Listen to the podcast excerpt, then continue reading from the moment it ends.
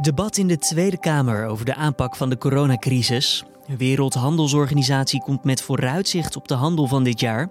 En hoe moet je omgaan met de kans dat je wel of niet door het coronavirus wordt gepakt? Dit wordt het nieuws. Dus de beste oplossing zou zijn om toch mensen te testen. Als dat niet kan, ja, dan, dan moeten we ons oefenen in die onzekerheid en uh, ervan uitgaan dat er ook wel ooit een moment zal komen waar we het weten. Leren omgaan dus met die onzekerheid. Hoe zit het nou precies? Dat vraag ik straks aan psychiater Damian Denies van het AMC. Eerst kort het belangrijkste nieuws van nu. Mijn naam is Julian Dom en het is vandaag woensdag 8 april. De videovergadering tussen 19 Europese ministers van Financiën heeft tot diep in de nacht geduurd. Vooral Nederland en Italië werden het niet eens over het Europese noodfonds om de coronacrisis te bestrijden. Naar verluid willen de Italianen zonder enige voorwaarden een beroep kunnen doen op geld uit het fonds. Nederland is een van de landen die zich hier fel tegen verzet. De bodem komt in zicht voor Defensie als het gaat om het verleveren van ondersteunend personeel en apparatuur in de strijd tegen de coronacrisis. Maandag maakte Defensie bekend dat meer militair personeel zal meedraaien in verschillende Nederlandse ziekenhuizen. De krijgsmacht heeft medisch personeel echter ook zelf nodig, voor missies in bijvoorbeeld Afghanistan en voor ondersteunende hulp in het Caribisch gebied, waardoor nu schaarste dreigt te ontstaan. Een woordvoerder van Defensie benadrukt dat los van de medische inzet er nog vele andere taken zijn en dat die nog prima uitgevoerd kunnen worden. Het kabinet weet niet hoe lang het nog zal duren voordat coronamaatregelen kunnen worden versoepeld. Hou vol en blijf zoveel mogelijk thuis. Ook in het komende paasweekend. Het adagium blijft geen onnodige reizen. Ook geen onnodig grensverkeer. Rutte verwees ook naar de laatste cijfers waaruit blijkt dat er sprake is van een afvlakking van het aantal IC-patiënten, maar waarschuwde voor verslapping. De afgekondigde coronamaatregelen gelden in ieder geval tot en met 28 april. Het kabinet neemt op 21 april een besluit over de verlenging of versoepeling van de maatregelen. Al moet er volgens de premier rekening mee worden gehouden dat de maatregelen verlengd zullen worden. De KNVB wil het huidige seizoen afmaken, ondanks de coronacrisis. De Nederlandse Voetbalbond streeft ernaar om op 19 juni verder te gaan met zowel de eredivisie als de keukenkampioen-divisie en ze beide af te ronden in juli. De KNVB benadrukt wel opnieuw dat de haalbaarheid van het plan wordt bepaald door de visie van het RIVM en dat er niet eerder gevoetbald zal worden dan volgens het Gezondheidsinstituut veilig is. De clubs in de eredivisie zijn behoorlijk verdeeld over de afloop van dit seizoen. Zo waren onder meer Ajax, AZ en PSV van mening om het seizoen te staken, maar Feyenoord zijn nog eventjes af te willen wachten. Het kabinet zet nog eens 12 miljard euro opzij om ondernemers in het midden- en kleinbedrijf te helpen. Het gaat om een garantstelling voor leveranciers die in de problemen komen doordat hun afnemers de rekeningen niet meer kunnen betalen. Het kabinet zal afspraken tussen leveranciers en afnemers voor dit hele jaar herverzekeren, zodat kredietverzekeraars hun limieten niet hoeven te verlagen of in te trekken. Met de garantstelling is in totaal 12 miljard euro overheidsgeld gemoeid. Dan ons hoofdonderwerp van deze podcast. Je hoest een keer, je snuit je neus een keer. Ja, mogelijk heb je zelfs wat last van hoge temperatuur. Het kan zijn dat je dan al snel een stemmetje in je hoofd hoort die zegt: Misschien ben je aangestoken met het coronavirus. Maar zolang je niet wordt getest, bevind je je in onzekerheid. Misschien is het namelijk wel griep of misschien is het niets. En ja, wellicht gaat het inderdaad om corona. Je weet het gewoon niet met zekerheid. En als er iets is waar we mensen niet goed in zijn, dan is het omgaan met datgene wat we niet weten. Want we willen die duidelijkheid. Ik ga erover in gesprek met Damian Denies, psychiater en hoofd van de psychiatrieafdeling van het AMC. De verbinding is iets anders dan je van ons gewend bent, maar ik hoop toch dat je blijft luisteren. Meneer Denies, de, ja, de druk op de zorg is enorm toegenomen de laatste weken. Hoe zit dat bij u en bij de psychiatrieafdeling? Ja, dat is een beetje wisselend. Ik moet zeggen, de, uh, het moment dat die crisis uh, begon, um, eind maart, uh, en iedereen in een soort van intelligente lockdown ging, was het heel opmerkelijk dat wij een daling zagen van het aantal mensen die naar onze afdeling kwam. Dus uh, minder aanmeldingen. Um, we natuurlijk, we waren ook verplicht om alle contacten stop te zetten. Dus het, het, de eerste twee weken was het heel, heel rustig. Is dat ook verklaarbaar? Want je zou denken dat mensen misschien met toch een soort van symptomen van angst juist meer gebruik zullen maken van dit soort ja, instanties, van dit soort zorg. Ja, dat zou je denken, maar het is niet een onbekend fenomeen. Je ziet dat op het moment dat dat ingesteld wordt, uh, en dat was ook eerder in literatuur beschreven, je een soort van crisis honeymoon, je zou het corona honeymoon kunnen noemen, waar mensen eerst moeten zich realiseren, wat gebeurt hier? Ik zit in een lockdown, uh, de, het gewone leven gaat niet meer verder. Dat duurt ongeveer twee weken. Althans, hebben wij gemerkt. En sinds vorige week zagen we weer het aantal aanmeldingen fors toenemen. Het lijkt wel alsof dat mensen dat al opsparen, tot bezinning moeten komen en dan massaal toch wel weer zich aanmelden. Dus vorige week zagen we een sterke toename en we verwachten dat die toename zich gaat verder zetten. Van dus mensen met reguliere klachten die eventjes kortstondig twee weken in een soort van freeze-toestand kwamen, maar nu weer allemaal wakker worden. En gaat het dan ook om andere klachten dan voorheen? Wel, ik denk dat, er drie, dat je drie groepen moet onderscheiden. Er zijn natuurlijk mensen met ernstige psychische klachten, zoals schizofrenie, uh, bipolaire stoornis, autisme enzovoort. Die, die zware klachten, ja, die mensen, die, het ziektebeeld van die mensen wordt niet echt beïnvloed door maatschappelijke veranderingen. Dat is redelijk constant, dat is redelijk biologisch bepaald. De ernst kan natuurlijk wel afnemen afhankelijk van sociaal contact dat afneemt. Dus in dat opzicht is er misschien wel een lichte toename. Maar de kern van die aandoeningen die blijft eigenlijk redelijk constant. Dan zien we dat er een groep is uh, aan mensen initieel dus die wat lichtere klachten hadden. Burn-out, stress door het werk, door uh, ontevreden zijn met jezelf enzovoort. En omdat die crisis eraan kwam, nemen die klachten af. Er komt iets veel ernstiger in de plaats. En die reguliere klachten lijken af te nemen. Dat is een tweede groep. En een derde groep is uh, een hele, hele grote groep van mensen die normaal geen of weinig psychische klachten hebben, die nu plotseling wel angstig worden en depressief en onzeker. Dus het, is niet eenduidig. Er zijn als het ware drie verschillende bewegingen: toename, afname en constante. En die derde groep is eigenlijk nieuw, dus als ik u goed begrijp. Die derde groep is nieuw en dat zijn mensen die eigenlijk normaal gewoon goed werken, die goed kunnen functioneren. Maar nu met verandering moeten omgaan. Maar die precies nu met die verandering omgaan. En wat je uh, heel frequent ziet, is natuurlijk de enorme toename aan onzekerheid of angst. Dat is echt denk ik, het meest dominante gevoel bij een groot deel van de bevolking. Ook bij mensen die vroeger nauwelijks tot geen psychische klachten hadden. Want als we daar even op inzoomen, hè, aan het begin van deze coronacrisis ging het eh, ja, eigenlijk heel veel over angst vanwege het virus. Daarvoor werd u ook veel gevraagd in de media om daarover te spreken. Uh, is er in die drie weken dat we nu ja, te maken hebben met verregaande maatregelen wel iets veranderd in hoeverre we omgaan uh, ja, met angst over het coronavirus? Wel, dat, is een ingewikkelde vraag. Dus je ziet dat die angst toeneemt. Um, de omgang met angst is niet anders dan dat het voordien was. En de vraag is ingewikkeld omdat er twee betekenissen aangegeven kunnen worden. Je kan dus de vraag stellen of onze omgang met het virus nu niet een gevolg is van het feit dat wij in een angstcultuur leven. Met andere woorden, dat wij zo gewoon geraakt zijn om alles wat we niet begrijpen, niet kunnen controleren, meteen vanuit het perspectief van de angst te beleven. En ik denk dat dat zo is.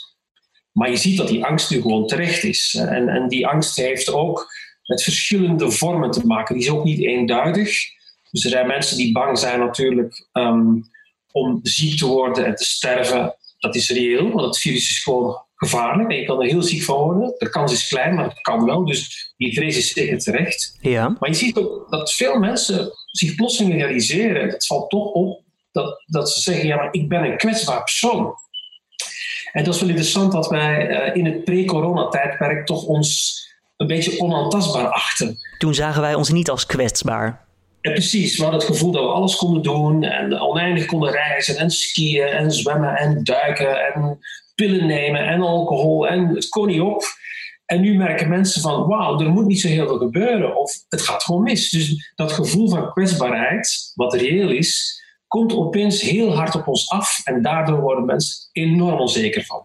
Heeft dat gevoel van kwetsbaarheid ook te maken met het feit dat niet iedereen getest kan worden op het coronavirus en dat je dus eigenlijk niet weet of je het hebt of misschien wel hebt gehad? Zeer zeker. Ik denk dat dat ook een heel belangrijk element is. De onduidelijkheid of je al dan niet die klachten hebt. Uh, we zitten in een periode waar hooikoorts aanwezig is, nog een stukje griep zelfs. Dus heel veel mensen hebben allerlei vage lichamelijke klachten. En ze overinterpreteren dat eh, als zijn eventueel wel of geen corona. En ik heb het zelfs bij mij thuis gewerkt, gemerkt. Mijn vrouw is huisarts, die heeft ermee te maken. En ja, ze mocht niet getest worden. En die onzekerheid of je al dan niet besmet bent en eventueel overdraagt aan patiënten of aan familieleden, dat is enorm vervelend voor mensen. Dus dat pleit er toch voor om veel meer en massaal te testen, om in ieder geval die rust terug te brengen bij mensen. Nou, dan kunt u als uh, ja, eigenlijk ideale persoon zeggen van hoe behoud je dan die rust? Want u moet uw vrouw ook voor een gedeelte geruststellen. Wat, wat zijn tips daarvoor dan voor mensen die met ditzelfde probleem te maken hebben? Ja, dat is een ingewikkelde. Bij mijn vrouw zag ik dat dat in het begin goed ging, maar toen. Uh, uh, dus ze, had die onzekerheid, dat, dat was te dragen. Maar toen haar collega opgenomen werd en het had en in het ziekenhuis terecht kwam en twee van haar collega's ook ziek werden, toen werd ze echt ook paniekerig, zag ik. En dan is het moeilijk. Hè? Dan, dan moet je echt door zo'n fase van onredelijkheid heen. En uh, uiteindelijk heb ik haar toch kunnen dan geruststellen, omdat ze zich kon testen. Dus dat, dat die wetenschap van ik heb het wel of ik heb het niet, in haar geval had ze het niet, brengt enorm veel rust. Dus de beste oplossing zou zijn om toch mensen te testen. Als dat niet kan, ja, dan, dan moeten we ons oefenen in die onzekerheid en um, ervan uitgaan dat er ook wel ooit een moment zal komen waar we het weten. Maar het is, het is echt zwaar en ingewikkeld. Ik minimaliseer dat stukje helemaal niet.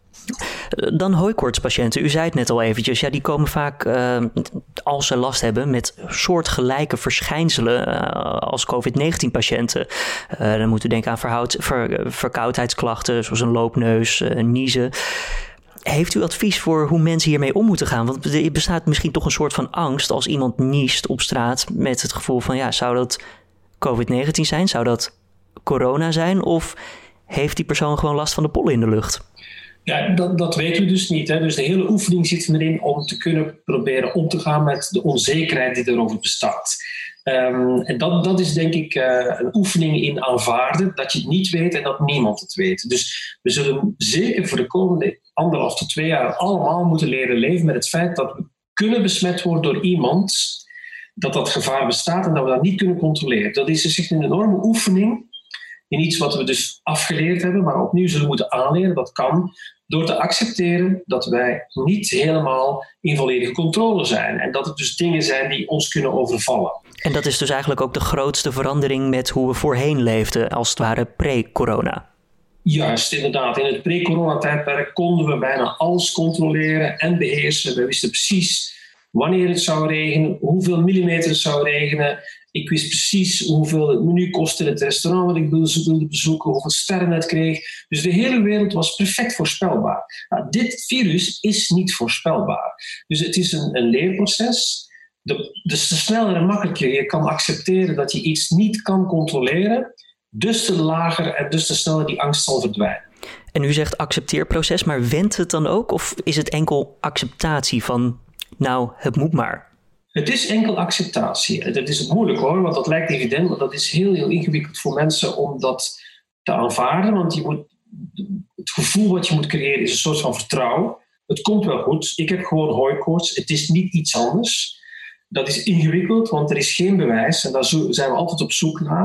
Maar als je die mentale beweging kan maken van het vertrouwen, van het accepteren, dan zal je zien dat het, dat, dat de beste en de snelste manier is om die angst te laten afnemen. En dan zal die dan leef je op een manier dat je zegt: kijk, ik weet niet wat het, wat het is, ik hoef niet te controleren, ik zal het wel zien. Dat geeft een soort van levensgemak, wat eigenlijk altijd zeer aangenaam is om het leven mee aan te gaan. Als laatste vraag. Uh, is er te zeggen wanneer angst normaal begint te worden? Is daar een tijdsperiode voor? Tijdsbestek? Ja, dat is een ingewikkelde, want in principe is, is de kern van angst bijna altijd een leugen.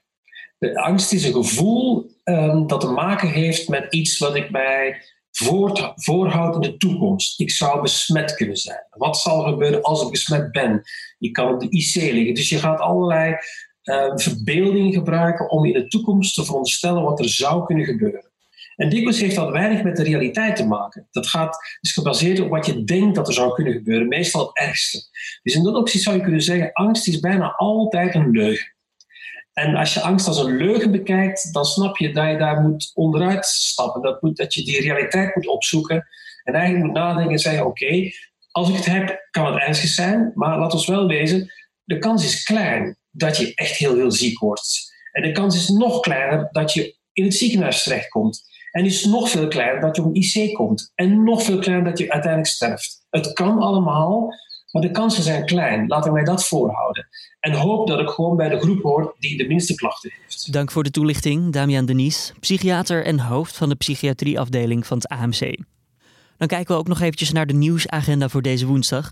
De Tweede Kamer debatteert vanmiddag over de bestrijding van het coronavirus. Premier Mark Rutte en minister Hugo de Jonge zijn hierbij aanwezig. Voorafgaand aan het debat krijgen Kamerleden ochtends weer een technische briefing van het RIVM, de NVIC en de Inspectie Gezondheidszorg en Jeugd. Het themakanaal NPO 2 Extra zal vanaf vandaag elke dag rond half negen s avonds een eerder opgenomen liveconcert uitzenden. En de zender kiest voor een breed palet aan artiesten, onder wie David Bowie en de staat en muziek van componisten zoals Bach en Mahler. En de Wereldhandelsorganisatie, oftewel de WTO, komt met verwachtingen voor de handel van komend jaar. In dit vooruitzicht wordt natuurlijk ook de impact van het coronavirus en de impact van de wereldwijde lockdowns meegenomen. Dan het weer voor deze woensdag. Het wordt een zonnige, warme dag. Blijft droog en het waait nauwelijks op een koele zeewind langs de kust na. Op de Waddeneilanden wordt het zo'n 19 graden, maar in het zuidoosten kan de temperatuur stijgen tot 25 graden. Om af te sluiten nog even nieuws over de 107-jarige Cornelia Ras uit Goeree Oververlaké. Zij is namelijk maandag genezen van COVID-19. Daarmee is ze mogelijk de oudste coronapatiënt ter wereld die de ziekte heeft overleefd. De vrouw die recentelijk haar 107e verjaardag vierde, raakte volgens Rijnmond besmet tijdens een kerkdienst in haar verpleeghuis. Tijdens die dienst liepen 40 mensen het coronavirus op, 10 van hen zijn overleden. Tante Cor, zoals ze bekend staat bij haar familie, werd opgenomen in het ziekenhuis. En vanwege haar gevorderde leeftijd leek kans op herstel miniem. Maar maandag kwam dan gelukkig het goede nieuws dat ze genezen was verklaard. En dit was dan de ochtendpodcast bij nu.nl. Tips of feedback zijn welkom. Dat kan je naar ons toe mailen via het mailadres podcastapenstaartje.nu.nl. Vragen voor de week van nu, oftewel vragen aan onze hoofdredacteur Gertjaap Hoekman, kan je ook die kant op sturen. Die behandelen we dan vrijdag tijdens de Week van Nu podcast. Ik wens je voor nu een fijne en gezonde dag. Mijn collega Carne van der Brink die is er vanmiddag weer. En ik zeg tot de volgende.